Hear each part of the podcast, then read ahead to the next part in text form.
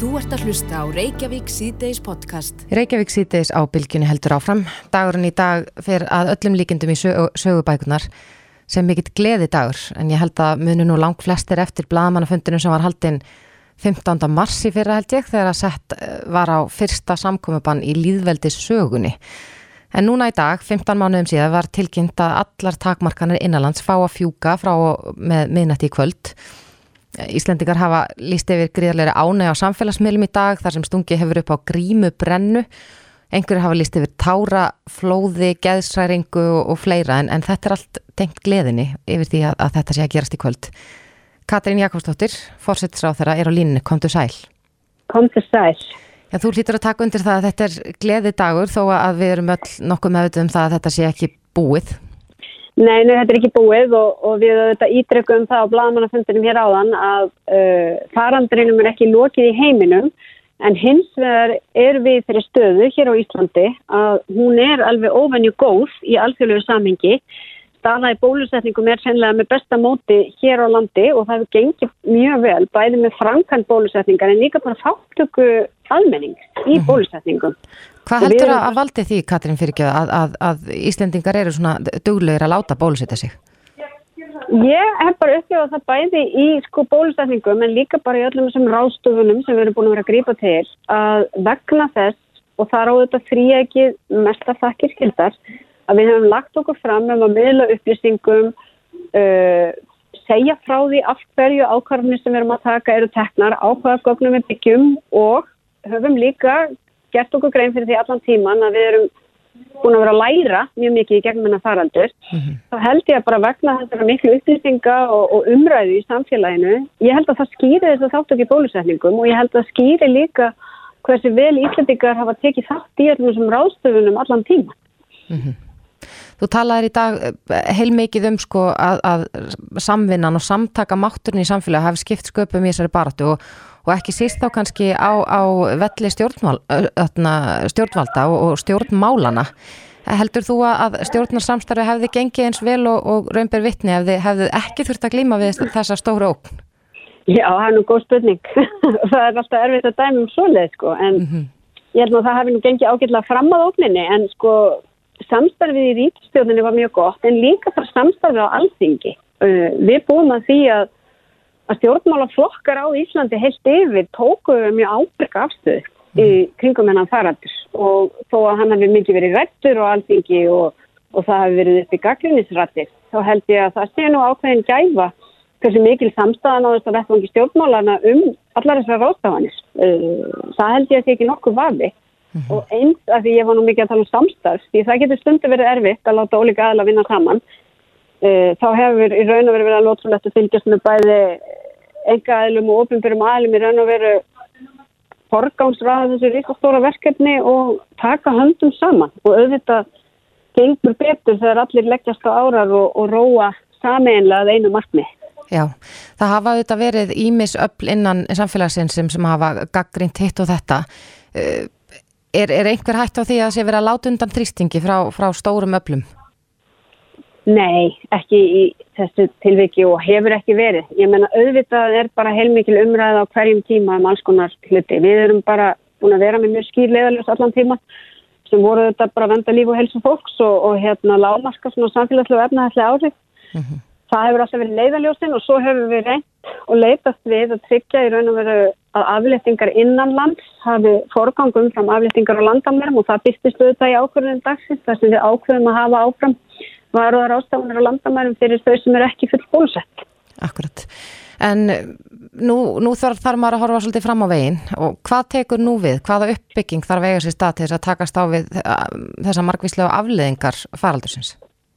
Já, í fyrsta lagi er þetta ekki alveg búið. Við veitum að, að, að það eru mörg land í heiminum sem klíma bara við mjög erfiða stöðu en þá. Mm -hmm. Þess vegna erum við þetta áfram með ástafanir á landamærum og þess vegna þurfum við líka að halda áfram að leggja okkar að merkum til að Við getum bólusett heiminn hraðar, við höfum verið auðvitað að leggja okkar að mörgum inn í það samstarf, þetta alþjóðlega bólusetningarsamstarf og við þurfum að gera það áfram. Mm -hmm. um, síðan auðvitað blæsti við að, að það er ímislegt sem þarf að takast á við. Ég menna atvinnuleysi er á niðurleik vegna þess að við höfum grítið mjög fast inn í þar með vinnumarkað úrræðum og með stuðningi við fólk og fyrirtæki og það verður auðvitað áframaldandi verkefni. Og síðan þarf við að huga andlir í líðan. Ég menna við sjáum það að sérstaklega í hópi uh, ungs fólks og ungmenna og barna. Þá hefur farandurinn valdið aukinni vanlíðan. Og það er mjög mikið vett að við tökumst á því það. Mm -hmm. Það hefur mikið að undarförnum verið talað um, um vanda á landspítala og, og læknar hafa ja, kallað eftir breytingum og auknum uh, fjármunum til þess að takast á við, við sko, gríðalegt álag þar. Sér þið fyrir að, að, að það verði tekið fyrir á næstunni að, að reyna að bæta aðstöðun á landsbytala? Já, auðvitað var, er náttúrulega þegar búið ákveða og farin á stað framkvæmdi við nýjan landsbytala sem er auðvitað lungu tímabær framkvæmd en þanga til að hann rýst þá skiptir miklu mála við gerum okkar best til að uh, tryggja eins uh, góða starf sem á mögulegt er á landsbytalan og þar hefur auðvitað verið bent á meðal annars uh, uppsafnaða þörf fyrir hjúgrunarými uh, þar sem við höfum verið að bæta við rýmum en þörfin er mikil þannig að ég þrátt fyrir góðan árangur í heimsvaraldri þá held ég sín alveg hótt að segja að sko heilbriðismálin eru viðvarandi verkefni og þau verða áfram mjög stort mál að glýma við fyrir okkur stjórnmálamenn. Já, kannski ef ég fæðist nú mér aðeins að ferðalögum, eh, það hefur verið talað um það að, að fólk ætti ekki að fara í ónauðsynleg ferðalög, mm. er það en það við gildi þó að það sé búið að aflétta öllu hér innanlands eða, eða er okkur frjálst að ferðast um heiminn? Já, auðvitað er það þannig núna að sé, sé maður full bólusettur og með tvekja vegna gammalt bólusetningavottur þá er manni óhætti að fara uh, af landi brott Uh -huh. uh, en síðan er það bara þannig að það eru aðstæður mjög mismunandi í heiminum og fólk þarf auðvitað áfram að gera þetta að sér og, hérna, og það er alveg ljóst að það er mjög víða en þá ímsar lokanir við lífi þannig að það er það fólk auðvitað sjálfsögða að beita heilbriðir skilsemi í þessum málum eins og svo sem ég finnst nú fólk hafa almennt gert í gegnum þennan farans. Já, kannski rétt að lokum Katrín, eh, hver er helsti lærdómur sem hægt er að draga af þessum 15 mánuðum sem við höfum búið við samkominn takmarkanir innanlands? Stór þegar stórt er spurt. Já, sko það er nú eitt sem hérna, við þurfum núna að undirbúa, við þurfum að undirbúa einhvers konar úttækt á þessum faraldri því það er auðvitað mikilvægt að við lærum á reynslunni og ég nefndi þetta í dag, það var í raun og veru hvað góð upplýsingargjöf skiptir miklu máli í svona sko, ég ætla að lega mér að sletta krísutímum þegar virkilega hérna það er búið að lýsi við neyðar ástandi í samfélaginu, þá skiptir góð upplýsingar ekki máli þannig að fólk getur sjálfslægt mata á aðstæður og tekið skynsalara ákvarðanir. Það er þetta samstarf fólks sem auðvitað er bara lærdomur sem við erum að byggja á og það einhvern veginn að nýta mátt vísindana og þekkingarinnar til að taka hérna réttar ákvarðanir. Það eru auðvitað lærdomur sem við getum tekið inn í aðrar áskoranir eins og til dæmis loftlagsmálinn þar sem hérna skiptir svo miklu að við nýtum okkur vísindin og gögnin til að taka góðar ákvarðanir. Og svo bara í þriðilegi held ég verða að segja, ég menna þetta sýnir auðvitað bara styrk okkar samfélagslega innviða hvað hann er mikill og það skiptir auðvitað mála að standa vörð um þann styrk. Akkurat. Katrin Jakobsdóttir, fórsettisráð þeirra, við bara óskaði til hamingi með daginn, þó að þetta sé ekki búið að þá er þetta mikill gleði dagur og góða helgi. Og svo gangum við bara hægt um gleðina til. Er það ekki? Jú, gerum það en hérna og postum okkur á fram að sjálfsög en þetta er góðu dags. Já, takk kærlega fyrir Katrin. Kæra þakki sem leið. Þú ert að hlusta á Reykjavík C-Days podcast. Reykjavík C-Days á bylginu heldur áfram. Að undanförnu hefur verið mikil umræða í samfélaginu um fægrunar aðgerðir eða líta aðgerðir sem eru framkvæmdi í svona fægrunar skinni og að vinsældir slíkra aðgerða já, hefur aukist mikið að undanförnu. En það er kannski minna fjallaðum um skuggarliðar þessara aðgerða en það hafði samband við mig maður sem að kýsa koma fram undir naflind og hefur já, ekki nógu góða reynslu af slíkum aðgerðum en hann fór í eh, færuna aðgerð sem barn og hann er hingað til mín komin og ætlar að segja okkur sína sögu. Já, sem sagt, ég er uh, 14 ára gammal þá er maður, eins og maður er þegar maður er unglingur, maður er með eitthvað komplexa út af útliti. Ég var með svona kannski svolítið útstæðir á þeim tíma. Og ég og móðum mín sem sagt við förum endur minn á skrifstónu hjá lítalagni bara til að svona kynna okkur hvað sagt, maður hafi heyrt af einhverjum svona aðgjörum að eiru væru sagt, sett aftur mm -hmm.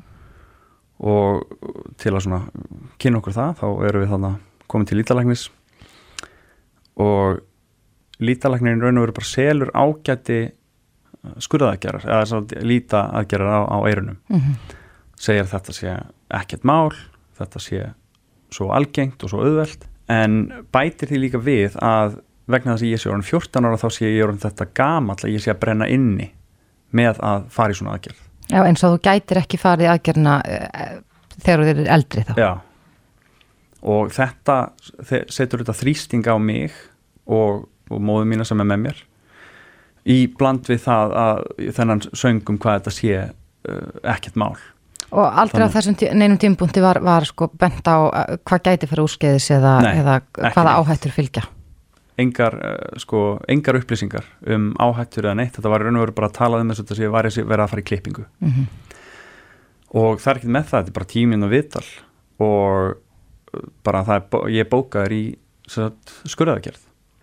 Og skurðaðgerðin kemur og það er sko það eru, það eru svona traumatíska minningar sem fylgja henni. Og ég er sagt, svæ, á skurðbekk og ég er svæfður svo þegar það kemur að því sagt, ég er með sárabindi í einhver, vi- einhverja viku og þegar það kemur að því svo að fjarlæga sárabindi þá fyrir við aftur til læknisins sem stillir mér upp fyrir fram að speil og sagt, byrjar að taka svona sárabindin af svona eins og svona revíl sko. -hmm. og það er ekki með það sko þegar sárabindin eru svo fjarlæg þá fæ ég rosalegt sjokk ég fæ alveg svona bara tauga áfall Mhm. því að það að sjá mig í spekli með svo drastíst breytt útlit. Mhm. og einni það að þau lit út þá eins og ég hefði lent í vökvapressu. Eða þess að eirun hefði lent í vökvapressu og verið bara heftu við höfuð, höfuð á mér. Mhm. þannig að ég fyrir þetta bara hágráta og þarna í áfalli. Og hann gerir bara lítið úr því, hann segir að þetta eru eðlileg fyrstu viðbröð og segir svo já þau munu jafna sig. Og vísar okkur svo bara út. Mhm. Og uh, svona í raunin veru sko þá bara sko, sjálfsmyndi mín fór algjörlega í klósitið Sem sagt, Og hei- var kannski ekki heldur sterk fyrir svona ef þú varst með uh, já, eitthvað svona áhyggjur af útlitinu. Já, maður auðvitað sko kannski bara þessum erfiða tíma sem unglingur sko. Mhm. en þú veist, ég hef alltaf komist yfir það ég er svona félagslindur og, og svona jákvæður og lífsglæður sko.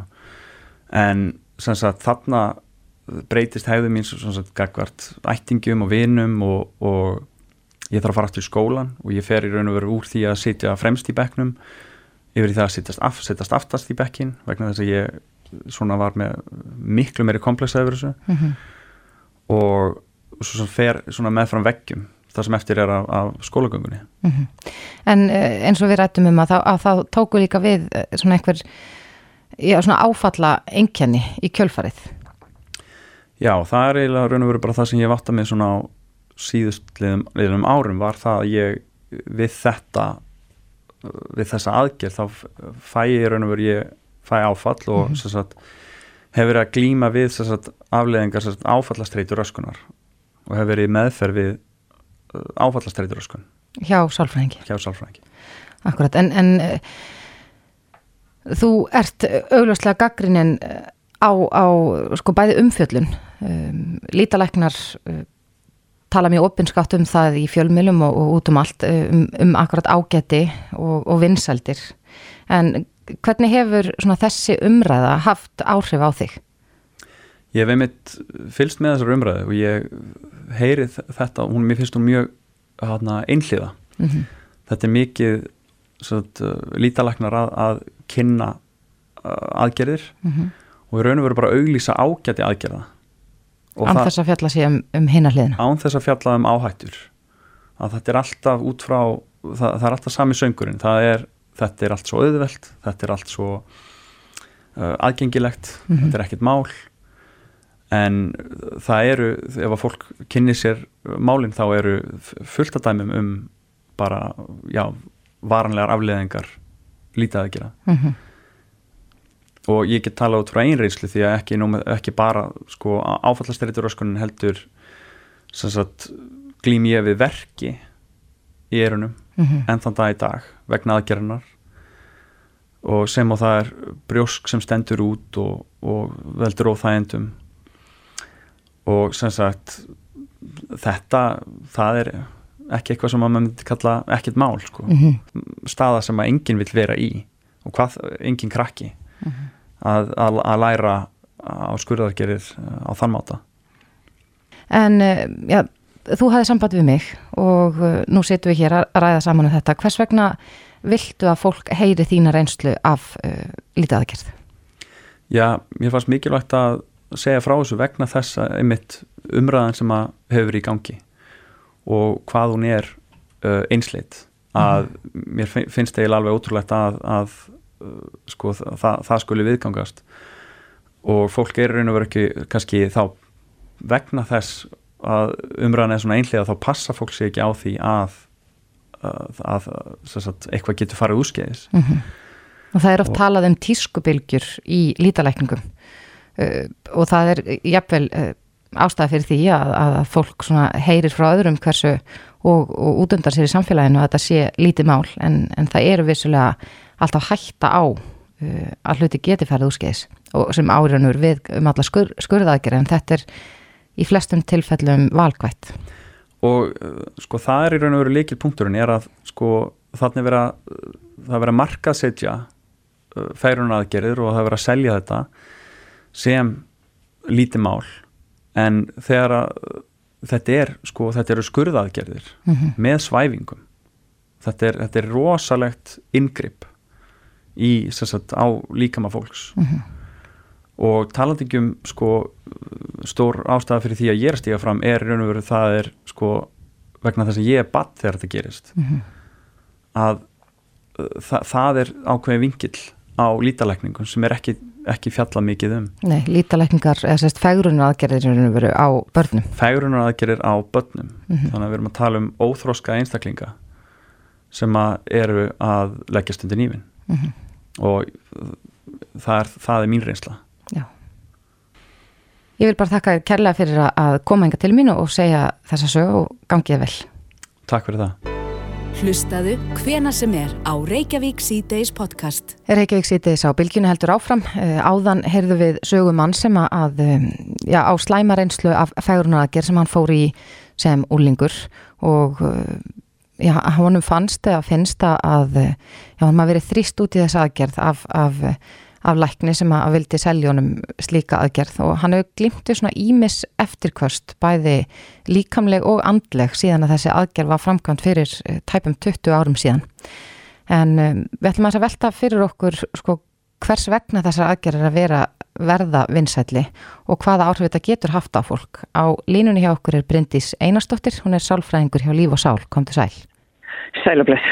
Já, við töluðum á hann við, við mann sem að, að sagði ekki svona, hafði ekki góða reynslu af slíkum aðgerðum og, og, og eins og umræðan hefur verið undan, undanfarið og þá verðast uh, þessar aðgerði verða sí vinsætli. Hver, hver að tilur þú vera ástæðana fyrir því? Uh, ég held hún sé nú bara af ymsum toga uh, það hefur alltaf, alltaf bara fyllt manneskinu þar fyrir að, að vera samþygt og viðkend og, og, og fólk í alls konar menningaheimum í, í gegnum aldrei hefur gert alls konar hluti til að einhvern veginn reyna að breyta sér eða, eða strömjunu laga sig eða einhvern veginn fallar einhverju samþyktu eða viðkendi normi. Mm -hmm. Þannig að það er kannski ekkit nýtt en það sem kannski bara þetta, þetta er auðvöldra aðgengi kannski og meira talað um það og, og, og þykir kannski já, minni stigma í kringum það að fara í aðgerðir og, og svona kannski meiri normalisering bara á því. Mm -hmm. Það getur kannski útskiptað aðeins að, að af hverju þetta er orðið vinsætla. Mm -hmm. maðurinn, maðurinn sem við rættum við, hann var nokkuð gaggrinn á það að, að börn skildu fara í fægrunaðgerðir. Um, er, er, er þetta ekki svolítið viðkvæmur tími fyrir akkurat sjálfsmynd barna, úlingsárin? Jú, ég, sko, ég, ég get náttúrulega tekið undir það og ég verð nú bara, mér langar að taka fram að bara, bara uh, hugur ekki og, og flott og finn til með uh, okkar manni og bara frábært hjá hann að þóra að, að stíga fram og, og, og tala um þessar lið að uh, sjálfsmyndin eru þetta þróast rosalega mikið á þessum árum og, og, og við erum að sjálfsög ekki að tala um sko lítaðegeri sem eru helsufarslegs eðlis sem þarf til að, að ég menn að stóttir mín hefur farið nefaðgera því að það var lokað miðnesið eftir að hún hafi nefnbrotnað og veist, við erum ekki að tala um þannig aðgerð sem þarf að gera helsufarslega sér eh, heldur þessum þessum freka flokkum sem færunar aðgerðir og það eh, sko hvaða skilabóð eru að senda í raun og veru við þurfum dálta að hafa í huga að bara eins og þarna hann upplifði eitthvað sér þrýst út í veist hvaða skilabóð er erum við að gefa börnum þegar við erum að segja veist nefnar er á stórta eirnar á vittlisum stað eða veist erum við að gefa eitthvað skilabóð um að þú ert ekki ná svona mm -hmm. við þurfum að lagfæra þig eitthvað neginn og það er auðvitað alltaf viðkvæmt e, síðan er hínliðin því við erum alltaf hérna nokkra hliður á málunum e, og það er auðvitað að síðan getur við verið með uh, barn eða, eða úling, ég held að þetta er svona meira þegar kannski þau eru komin úlingsárin sem að er e, að verða fyrir aðkastið einelti vegna einhvers e, alvarlegs lítis eða einhvers sem að er útlýfslega plaga eða veist, sem er að draga það úr eða skerða sjálfströst eða sjálfsmynd í félagslegum samskiptum mm -hmm. og þá gæti það einmitt verið það sem að hjálpar að laga það mm -hmm. Þannig að þetta er doldið ákvað fórsendu er farið í svona aðgerð. E, líka hjá fællotnum fólki ákvað fórsendu er verið að fara, er verið að fara að því að e, mér langar e, e, er það partur af bara eitthvað sem ég vel og, og tek upplýst ákvörnum en að bakvið er manneskja með sterkar sjálfsmynd, þetta snýst ekki um að reyna að laga einhvers konar vanlíðan leið og við erum farin til að laga einhvers konar vanlíðan eða það er brotin sjálfsmynda bakvið, þá erum við einhvern veginn, getum við fara að setja spurningum ekki bakvið það af hverju erum við að fara í svona aðgerð. Akkurat.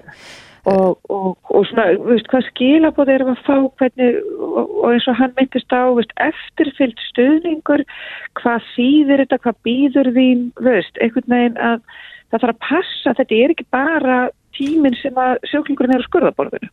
Nei. Það er aðdraðandin, undirbúningurinn á hvað fórsöndu e, og ég menna það til dæmis, við veitum það að, að, að það er mjög algengt með til dæmis fólk sem er með líkamskinninaröskun, e, svo kallar BTD er svona ennskaðskapstöðunin, mm -hmm. að, að það eru einstaklingar sem leita oft í lítaðagerir en þeir verða yfir höfuð og nánast undirtækningalöst óanægðir alltaf eftir aðgerð og mm -hmm. það verða brosnar vonir að því að e, þessi sjálfsfyrirlitning á ákunni líkamspörtum eða útliti fyrir ekkert þó þú breytir útlitun af því þetta, þetta er hugmynd mm -hmm. þetta er ekki snúst ekki um það sem raunverulega er í speiklunum. En þekkir þú það brendir hvort að, að, að vegna þess að margir fari í slíkar aðgerðir og, og útliti er verulega breytt eftir það í mörgum tilfellum. Mm -hmm. Er það þekkt að fólk verði fyrir einhverju sjokki eða er erfitt með að venjast ja, nýri speilmynd?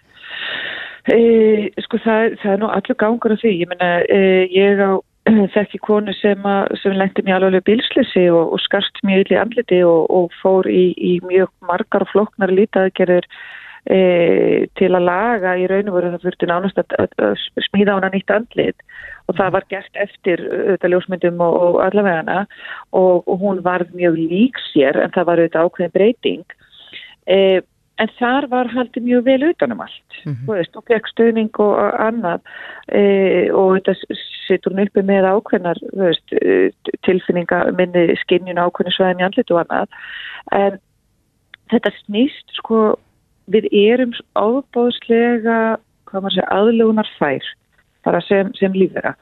Og ef að sko leikilatriði hjá okkur sem lífveri er tengslanetið okkar og að hópurinn okkar og við getum tekist á við erfiðleika eða farið gegn breytingar e, með því að fá góðstöðning mm -hmm. og það er það sem skiptur svo miklu máli að við getum lendi alls konar erfiðleikum og tekist á við erfa hluti hvort það er að fara í aðgerð eða, eða lendi með slísi eða það fara að gera mikla breytingar út af einhver helsufars ástæðum og, og bara fá aðstóð stuðning til að hjálpa okkur í gegnum það. Ja. Það er leikilætri í raun og verð. Sko. En nú hefur oft verið talað um sko svona tískuströyma í, í þessum geira, í fægrunaraðgerðum að er, eh, það er nú ekki langt síðan að við áttum samtal við lítalæknin sem sagði að sko að vinsalasta um þessar myndi væri að láta flytja fytu úr einum líkamsparti yfir í annan til þess að stækka Já. einn og minka hinn.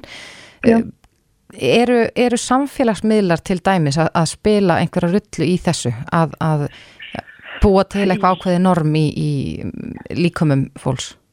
Já, ég held að það, það sko, ég held að við getum ekkert hort fram hjá því að þetta er kannski svona meira, hvað maður segja, sínilegra fyrir okkur. Þetta er meira bara svona í andlitna okkur allan daginn. Auðvitað hafa verið hérna alls konar hlutir gegnum tíðina komist í tísku og, og veist, það voru tímaritt og það voru sjómórstjörnur og, og, og ég menna ég, ég ólsnöð því þá sögða að, að ungir strákar breytið sér framtönn til að vera svo Björgun Haldursson mm -hmm. veist, veist, fólk hefur gert alls konar hluti til að reyna líkast einhver eða, eða svona, já, e, verið í tísku mm -hmm. þannig að ég, það er sjálfsvegar ekkert nýtt en þetta er kannski bara yfir sirmandi mikið einhvern veginn. Og jafnvel auðveldar aðgengi að, að því að já, breyta sér? Miklu auðveldar aðgengi að því að breyta sér og sem að einhver leiti líka kannski sko, mér veist ekki, við þurfum að nálgast þetta með alltaf gaggrinum, hvað maður segja, gaggrinum viðþorfi, að því að það þarf heldur að vera slæmt, veist, að, að bara Uh, ég menna, maður ma vil fá sér tattu og maður leitur á sér hárið og, og maður er eitthvað líka tjási gegnum útlitið sitt og hvernig född maður velur sér og mm. þetta er líka partur af eitthvað bara svona að sína umhverfni hver ég er og fyrir hvað ég stend og allavega þannig þetta er eitthvað svona framlegging á því hver ég er sem manneska, hvernig ég með þessa mannesku og við tjáum okkur mjög mikið gegnum útlita okkar í raunaföru og sendum á hvern skilabóði gegnum það. Þannig að, veist, mér veist við ekki meira, sko, kastu alltaf borðinu en hversu langt ætlum að ganga og hver, í hvernig ástand er manneskan þegar hún er að fara í svona ferli? Mm -hmm. það er leikilættri, ef að breytingarna eru til þess að laga sálrænt ástand, þá er það mjög ólíklegar til árangus Akkurat og eins og þú sagði ráðana að kannski stuðningur og eftirfylgni leikilatrið þessu. Leikilatri og ég menna við, við getum hans bara, ég menna það mikið rætt á þetta um, um, um áflyttu til dæmis mm -hmm. og yfirþyngd og það er það sama, þú getur verið með tvær manneskjur sem eru báðar í mikill yfirþyngd, önnur með sterkari sjálfsmynd en hinn og þær fara báðar inn í eitthvað prógram, eh, vinna með líkasþyngdina og breyta kannski, veist, heilbriðari lífstíl og annað og þess, þar segjum að það bara grennist jafn mikið eða, veist, og ná að bæta heilsunni jafn mikið. Þessi sem er með, með neikværi sjálfsmynd hún verður ekki dánaður eða hangsamari Nei. það breytist og að lítið hjá henni Akkurat. í raun og veru. Af því að þetta snýrist ekki um það. Nei. Og það er það sama helgit alltaf með lítaðagjörðnar og við sjáum það eins og hjá fólkinu sem er með líkamskinninar öskunna að aðgjörðin er ekkert að breyta, það er ekkert að laga þeim líður ekkert betur ekki endilega lausna á vandanum. Nei, Akkurat. en þetta getur verið lausna á, á mjög mörgum vanda og ef þetta er gert á réttum fórsundum og eins og segir með stöðningi og, og, og upplýstu sko í talungi um þetta rúlingar eða að það sé upplýst samþyggi og þau viti nákvæmlega hvað að býða þeirra á okkur fórsundu og það sé ekki verða gældfella þau. Nei. Bryndi Seinastóttir, sálfræðingur hjá Lífa Sál, við komst í miður ekki lengra sinni. Kæra þakki fyrir. Já, ekki málið, takk. Já, bless. bless. Reykjavík síðdeis á bylginni. Það er mikið um fókbólta þessa dagana, Europamestramótið er á hugmarkra og við fylgjumst með því frá einu degi til annars.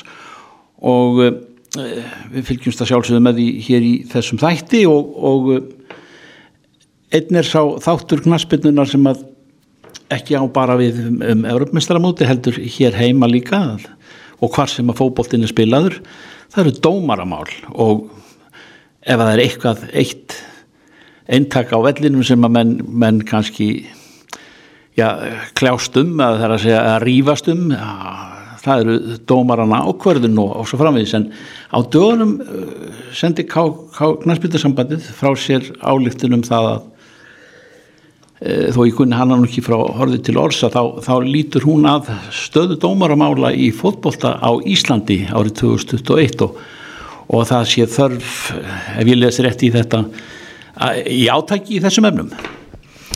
Jú, vissulega þetta var álöktur sem stjórnarnsmyndsapar sem sendi frá sér á, á dögunum og það sem verður að kalla eftir er kannski svolítið viðhórsbreytinga hvað starfið dómara. Starf dómara er vanþaklátt og erfitt og hérna dómarar eins og við öll, við gerum öll mistök í hitta leiksins en mm. dómarar er ekkert öðruvísin aðrir þáttaklandur leiknum, þeir eru þarna til að gera sitt besta, en þeim eru á mistök og stundum eru viðbröðun mjög harkaleg.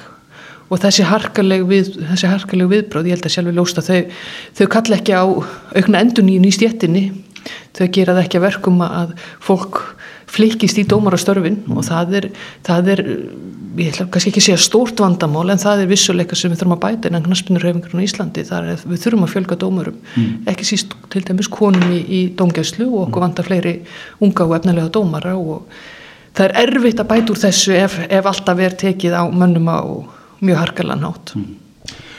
Við erum að tala við hana Klöru Bjartmann en hún er frangatastjóri knallspildi sambansins Íslands. Eh, Klara maður hirt það sem þú ert að segja nokkur svona grófar aðdróttanir eh, á vettfangi þegar dómar eru í eldlínni og dæma leiki. Þannig að eitthvað er það nú sem að ítir eftir því að þið, þið álítið um þetta Já, eitt er eins og segir á vettfangi og annar er það sem gerist eftir leikin og ég, dómarar hafa sagt það og hafa, við höfum fundað með dómarum um þetta, þetta er ekki eitthvað sem við greipum í lausu lofti heldur, við fundum með dómarum og, og að þeirra beðni og um þessi mál. Og eins og dómarar segja sjálfur að, að þeir vita það að, að gangi þetta hlutverk fylgur í sér að þóla gaggrinni og að þóla gaggrinni inn á vellinum er eitt. Mm. en það að, að fjölskyldum dómarar sé hótað eða dómarar sé að fá fá dónaleg og hvað ég segja áreitandi skilabóð löngu eftir leik líkur, þar, þar ertu farin yfir öll mörg. Er skilningur á þessu innan fjalla? Nú eru nú er þetta svo náinn hópur stjórn viðkomandi fjalla og, og starfsmenn vallanna og, og, og svo framvegis þetta er, er heilmikið lið sem er að stendur sko og segir frá því hvena sem tækifæri gerst að það stendur bak við sína menn. Sjálfsög eru við, ég held að allir þessir aðlæg sem hún nefnir, þeir eru í sínum störfum að því þeir hafa tilfinningu fyrir leiknum.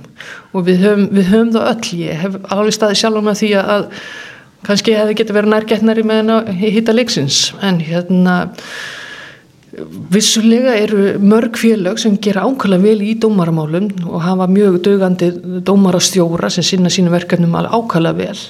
En auðvitað eru stundum viðbröðin kannski, mættu kannski vera yfirvegaðari, sérstaklega svona þegar leik líkur og komið er heim að þá kannski er ekki það skynnsalegast í stöðin að fara strax og hamra á liklaborðið með ástofum og upprópunum en draga andan djúft og og kannski líka að, að treysta á þá aðila sem reyfingin sjálf hefur valið til þess að standa þessum málum því að jú ef dómar að gera mistök þá er ekki þannig að það sé ekki gert neitt í því heldur fer það í ákveði ferðl innan sambansins mm. dómar nefnt fyrir við málin og þar eru fag aðilar störfum sem fer yfir aðtökalýsingar, aðtökaskýslur og, og það eru klippifundur eftir leiki og það er málin eru rínd og á þeim er tekið mm.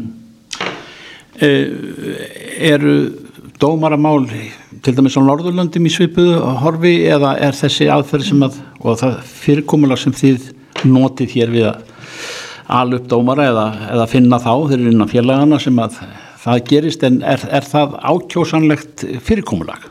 Það er ekkit fyrirkomulega fullkomið. Við vinnum samkvæmt því sem kallast dómari sáttmála Evrópu og það er forskrift þar hvernig við gerum hlutina og til dæmis er mjög stranga reglur um það hvernig dómarum er raðað á leikin og það er alveg ljós hverju meg að hafa afskipta því og hverju ekki.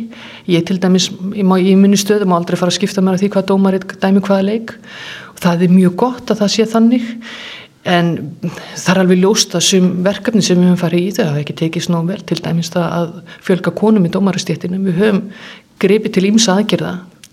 Þar aðgerðir hafa ekki gengið nú vel upp en það þýr ekki annan að halda áfram og halda áfram að reyna og það er það sem við erum að gera. Engin er leikurinn nema dómarinn setið staður og hvernabóltin hefur búið við uppvöxt á undanföldum árum, það vantar sem sagt hvern dómara. Jú og þjálfara og annað slíkt, við erum með hvenkins yðgöndur er eitt þriðja yðgöndum á Íslandi en ef þú lítur á tölfræði varandi dómara og þjálfara það er, það er lang, langu vegu frá þessum einu þriðja og við þurfum að halda áfram að byggja upp í þessum stöðum líka. Klara Björnmans, uh, það standur yfir mikil fókbóltatí núna og, og, og við getum verið sammála um það að, að dómarinn er mjög mikilvægur liður í þessu vinsalastar spili veraldar. Ég, það er ekki nokkuð spurning, það er engi leikur á dómara og við þurfum, að, við þurfum að muna það alltaf og við þurfum líka að muna það að dómar eru mannlegir eins og við öll, við gerum öll mistök en það er bara spurning hvernig við vinnum úr því og heldum áfram og reynum líka kannski öll bæði við sem einstaklingar innan knaspinur reyfingar nú félagin í landinu, við þurfum að gera okkur grein fyrir því að dómar er ekki sjálfsbrotnir mm. dómar að koma frá félagunum, við þurfum að byggja undir þessa aðila, við þurfum að styðja það og hjálpa mann að verða betri eins og við leikmennina mm. og þjálfarana Háðir borga fyrir sín merk? Í dómarar, já, dómarar sem dæmi deildakefna við um kási eru, eru, eru á launum hjá kási Og geta komist í góðar álnir peningalega eða þeir ná árangri? Já, já, dómarar sem dæma hæstu stugum eins og í úslutakefni, Evrópukefninar og annars líkt, þeir eru ágæðis launum mm. Klara Bjartmans, frangatastjóri KSI Takk fyrir þetta Takk Þetta er Reykjavík C-Days podcast. Reykjavík síðdeis ábylginu heldur áfram.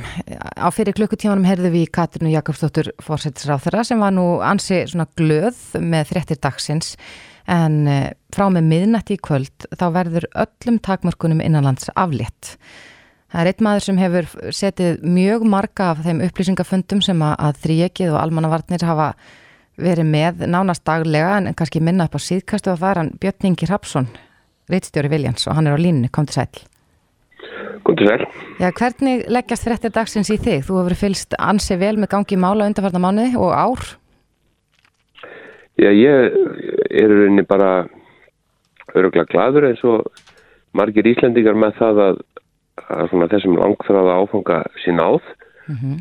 Þetta eru þetta stór tíðindi og ég var einmitt að skrifa um það í dag að reglugjörðin sem Hilbergs á þeirra að skrifa undir í morgun er líklega styrsta reglugjörð sem að hún hefur sett í þessum faraldri en, en, en uh, líklega svo sem mest áhrif hefur uh, vegna þess að hún gengur bara út á að afnema fyrir reglugjörðis. Mm -hmm. Hún er eiginlega bara einn lína en uh, frá því að fyrsta reglugjörðin var sett og frá því að samkomi bann var sett á við verðum að munna það Íslandingar að við erum svo fljóta að gleyma að þegar samkomum banni var að setja á í marsi fyrra þá hafði slíkt aldrei verið gert í sögur lífveldisins. Það hefði einhvern dottið það í hug. Og, og hérna síðan er það búið að gera 90 breytingar á reglgerðinni á þessum mánuðum og venjulega er alltaf talið upp alls konar hópar sem með að gera hitt og þetta grímurskylda tveikjametarregla eða einsmetarregla upp á síkastið og síðan hversu margir með að koma saman og svo framvegis.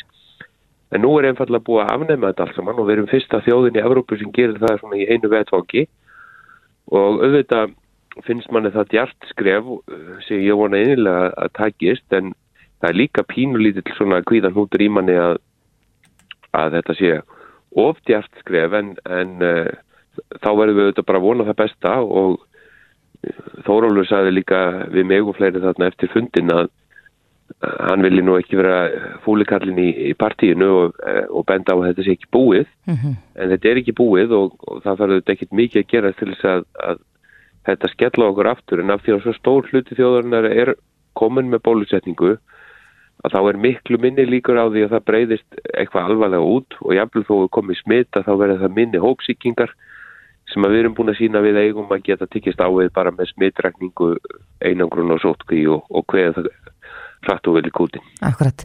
Kom það þeirra óvartbjörningi að það skildi vera gengið svona langt? Það hefur svona, í gegnum tíðin alltaf verið kalla eftir meiru eða, eða sko, að það hefur verið gert minna. Eh, það verist ekki verið hægt að gera öllum til geðs, kannski eðlilega. En varstu undir það búin að þetta þið gert núna í dag? Já, þau, þau voru búin að segja þetta alltaf að gera þetta. En það er ekki þar með sagt að það sé gert eins og þú bendir alveg á. Ég menna það eru fólk er bæði áhyggjufullt yfir þessu og svo segja aðrir að þetta er svo löngu tímabært. Uh mhm. -huh. En ég bendi bara á að við erum í fyrsta lagi, fyrsta þjóðun sem gerir þetta með þessum hætti og þar að auki þá þetta hefur faraldurinn uh, farið miklu betur með okkur heldur margar þjóðir og upp á síkasti hafa þetta smittin verið mjög fá og flest innan sótkvíjar þannig að það er ekkit sem segir að við þurfum að hafa strangar takkmarkanir í gildi núna En ástæðan fyrir því að við getum það er að það við höfum farið varlega á landamærunum. Við erum eiga, við njótum þess, við getum lokað okkar landamærum og verið þar með kröfur. Það er, er öðruvísi fyrir þjóðir sem að eru með laung og, og mikil landamæri að, að kannski hefur fleiri en einni þjóð og, og ráð ekki neitt við neitt og smitin berast hvað sem að menn vilja það ekki. Mm -hmm. Við erum búin að nýta okkur þetta en ég bend á að Boris Johnson sagði um um daginn fyrir nokkru vikum að nú ætti að afleta öllu þar vegna þess að þeim, þeim hefur líka gengið mjög vel í bólusetningum. En síðan þegar að koma að því að þá hættur við það og framlengtu takmarkarinnar í mánuði viðbót í júli sem er mjög óvinnselt í Breitlandi einfallega vegna þess að margir er í fríi. Vegna þess að delta indjöska afbreyðið er, er komið þar á kreik. Akkurat. og sama, sama eru Ísraelsmennalendi í dag. Þeir eru að setja aftur á grímuskildu í Ísrael dag sem að þeir afnámi fyrir tvömi vikum þeir voru búin að afnema eh, mikið af, af hömlum þær í landi vegna þess að þeim hefur gengið svakalega vel að bólusetja. Þeir gerðu þennan sérstakka samningu þæsir og náðu nánast að bólusetja alla Ísraelsku þjóðina. Mm -hmm. En samt sem áður er indurska afbreyð komið þar á, á flegi færð. Þannig Þannig að það er ástæða fyrir því að, að maður er ennþá að segja fólki að þetta er undir okkur sjálfum komið. En auðvitað eigum við skilið gott sumar hér og það sé ekki mikla takmarkanir og, og hérna ég held að þessi yfirlýsingu dag sé gífulega mikil sverði. Maður finnur það að, að fólki er létt og svo verður ég líka svolítið að taka hattin ofan fyrir þeim ráþurum sem sögðu meðalanis í dag að að það hafi verið alveg skýrt í þeirra huga viljið til þess að afnema það sem set, það er takkmarkarnir sem voru settar vegna þess að við meðum ekki gleyma því að margir stjórnmálumenn getur líka frestast til að halda einhvern takkmarkunum inni jafnvel um óferri sjáðan tíma vegna þess að margt sem að stjórnmálumenn dætt í huga að gera til að takkmarka frelsi mm -hmm. uh, var kannski búið að berjast fyrir áratugum saman að fá Já. bara okkar borgarlegu réttindi Þú talar um hérna á þann að við njótum góðs af því að vera eiga, við getum loka landamærum okkar og, og við verðum áfram með eh, takmarkanir á landamærum og, og þeir ferðamenn sem að geta ekki framvisa gildum vottorðum um fyrirsýkingu eða bólusetningu, þeir þurfa enna sæta skimun og svo fymta sótkví og, og þar fram til göttunum. Ferðarþjónustan hefur gaggrind þetta, eh, hefði verið tilöfni til að þínum að, að opna enn meira? Ég, ég skil alveg að ferðarþjóðast að vilja bara helst galafna allt saman en ég held hins vegar að það sé mikill vilji hérna almennings á Íslandi til þess að hafa einhvers konar takmarkandi þarna til þess að koma í veg fyrir að við fáum nýjar bylgjur og þurfum að byrja alltaf eitthvað nýtt og, það verði ekki að halda, að halda hér tónleika eða neina mannfagnaði eða okkur skapaðan hlut. Mm -hmm. Þess vegna verður að fara þarna bylbækja. Það er komið í ljós að langstæstur hluti þeirra sem er að ferðast í heiminum í dag er fólk sem er með bólusetningu eða hefur fengið COVID og uh, í þeim hópi eru litla líkur, það eru einhverja líkur en litla líkur á því að fólk beri með sér smitt, það er aðlega að smittast í flugvelum eða á flugvöllum á leiðinni eða eitthvað slikt mm. En bólusetningin sem er komin mjög vel á veg hér hún kemur í veg fyrir alvarlega veikindi, það er nú einu sinni það sem þetta gengur út á, hún kemur ekki veg fyrir að fólk smittist, við þekkjum það eða smitti aðra Og þetta eru þetta alltaf einhvers konar hagsmunumand. Við erum að feta okkur áfram í því að uh, öðlast eðlilegt líf. Uh, landamærin eru aðeins setna á ferðinni heldur en aðgerðina hérna innanlands en það er bara út af því sem þú nefndir í spurningunni. Við erum eiga og þetta er okkar öryggislið. Því mm. meira frelsi sem við höfum hér innanlands, uh, þeim meira veldur það á hvað við erum að gera á landamærunum. Akkurat. Eh, Svandi Svagastóttir Helbriðsráð þeirra myndist á það í dag að við erum fyrsta land á Norðurlöndurum til að aflita öllum takmörkunum innanlands og, og, og jafnvel eh, víðar í heiminum. Er þetta eitthvað sem við ættum að vera stolt af eða ætlum við séum að fara og, og sko hratt í sakirnar? Það er ekki hægt að svara spurningunni strax. Ef þetta klikkar, ef það koma hér mörg smitt á næstunni, þá er þetta ekki neitt til þess að vera stolt af. En ég held samt að við eigum að geta haldið þetta út uh, einfallega vegna þess að ég held að fólk sé búið að læra af þessum faraldri að það er ástæða til þess að gæta það hreinleiti, ég held að það þurfi ekki lengur að fara yfir það með fólki að það sé ástæða til þess að þó hendurnar á sér ég vona að fólk fari ekki almennt í það far að hætta þó sér jafnvel þó að þetta sé allavega tímabundið að baki, við erum vonandi búin að læra ímislegt í því, svona almennum sóttvörnum. Mm -hmm. en ég held á meðan að er nánast ekkit smitt í samfélaginu, þá sé kannski ekki ástæða fyrir okkur til þess að vera með grímuskildu eða miklar takmarkanir, það er eiginlega gerir það verkum að fólk fer bara að hætta að fylgja reglónum.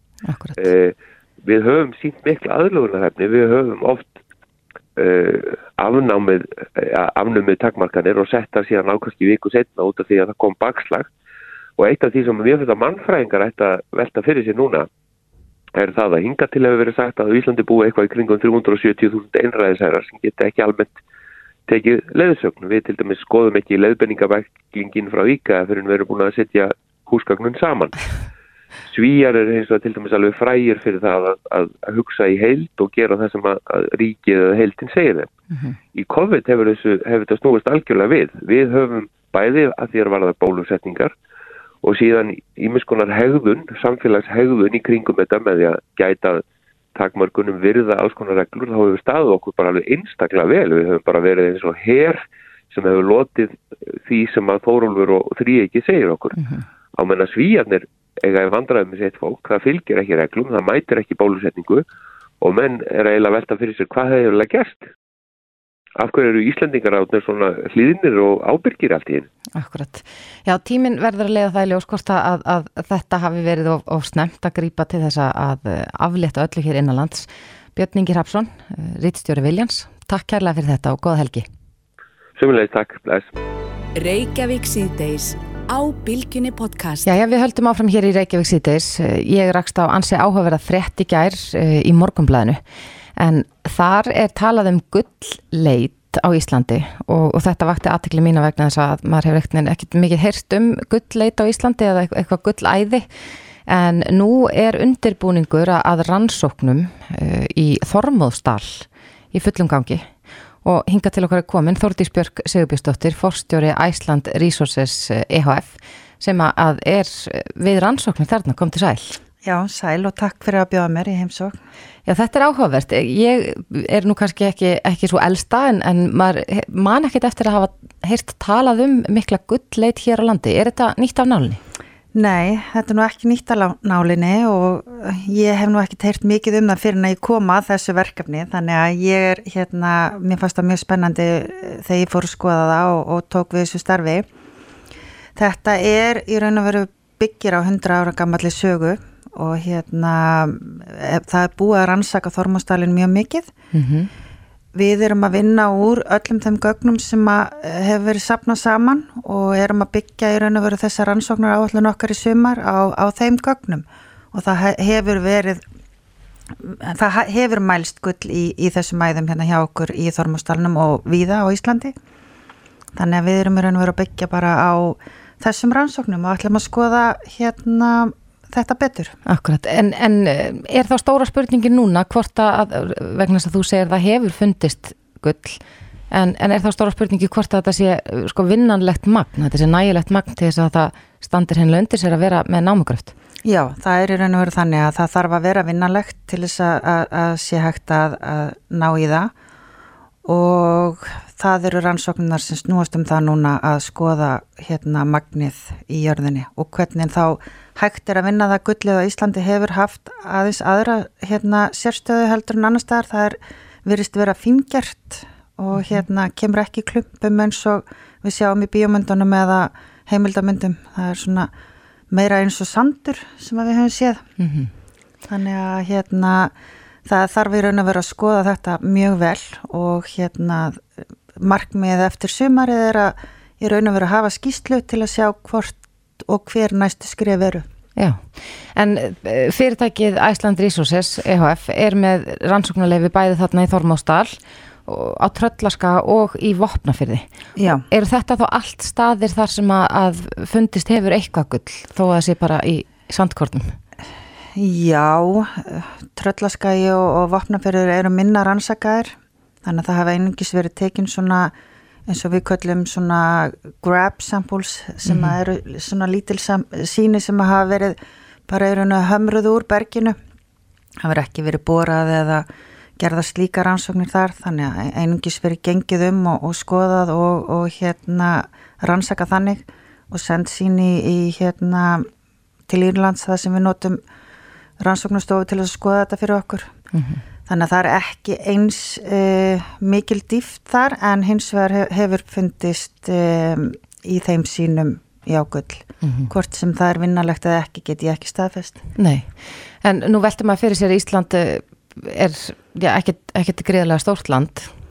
Þannig sé þó að þó vissulega vera með mikið landsfæði en ef að það væri hér mikið af gulli, væri þá ekki búið að finna það eða, eða hafa sko tækin og tólinn sem við höfum til þess að rannsaka svona hafa þau þróast mikið og þar en þetta gerst þetta einhvern veginn auðveldar eða, eða hvernig er það? Nei, það hefur bara reynlega enginn haft áhuga en ég trú að það sé gull á Íslandi bara reynlega þess vegna sem að það hefur ekki verið rannsaka meira það hefur lítill hópur sem að hefur haft trú að því mm -hmm. og hérna oft leiða þeim hóp Akkurat. En eh, hann hefur verið einbettur og það er eh, langsag og það hafa verið aðalega útlendingar sem hafa komið að því og trúað á það. Eh, reyndar eru nokkur íslendingar sem hafa hennust öttulega að því líka mm -hmm. og meðal annars erum við með þá aðalega ég ráðgjá að hópja á okkur. Akkurat. Þannig að...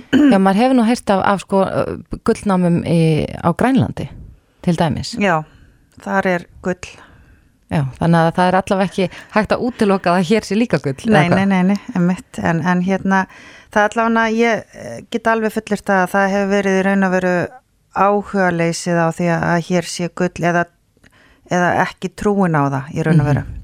Akkurat, en það er ekki langt síðan að þú tókst við þessu fórstjórastarfi hjá Æsland Resources EHF. Um, hvernig kemur þú inn í, inn í þessa stöðu? Herðu, það var nú bara þannig að þetta var auglist í hérna blaðinu Já. og mér fannst þetta mjög áhugavert þegar ég sá þetta og ákvaða að slá til og sækjum. Já, það hefur mikið verið talað um það að, að hér á landi er ekki uh, að það vanti konur í forstjórastörf, að það er séu einfallega mjög fáar og, og núna á dögunum tók uh, Birna Einarsdóttir uh, bankastjóri í Íslandsbanka og nú er hún orðin eina konan uh, á fyrirtæki, eða félagi sem er skráðið í Kaupall Íslands sem gegnir þessu starfi. Já, við erum rendar fyrirtæki sem ég finn hjá er skráðið Kaupall í Kanada og Frankfurt, í Frankfurt líka. Mm -hmm. Þannig að ég er að vera að vinna fyrir fyrirtæki sem starfar á, á markaði og alþjóðlegum markaði. Mm -hmm. Þannig að hérna er í fleirin einnig Kaupall, þrejum Kaupallum og ég menna þannig að ég er að vinna fyrir fyrirtæki sem vera markaði, þá að sé ekki á markaði á Íslandi Nei. og fyrirtæki okkar er það stórt þó það sé kannski lítið og alþjóðlega mæli hverða að þá hefur stundum verið e, meiri viðskipti með fyrirtæki okkar yfir daginn heldur en í allir kaupallinu á Íslandi mm -hmm. Já, þetta er spennandi og, og auglustlega krefjandi umhverja að vinna í en eh, við vonum bara að þið finnið gull hvort sem verði í Þormástala og Tröllarska eða í Vopnafyrði eða jafnvel annar staðar. Já, ég eiginlega vona það líka vegna þess að ég tel að þetta sé tækifæri fyrir okkur Íslandinga og við gætum hugsanlega svolítið svona breytt leikreglunum og farið í nýja tækni við að vinna gullið. Mm -hmm. Þannig að það er það sem ég svolítið að horfa til að við munum við munum nota hátæknina og við munum vera með litlar námur og, og, og hérna en auðvitað er langu vegur og það þarf að gerast í samvennu við stjórnvöld og Íslendinga. Akkurat. Þórdís Björg Sigurbjörnsdóttir, forstjóri Æsland Resources EHF. Takk kærlega fyrir komuna. Takk fyrir.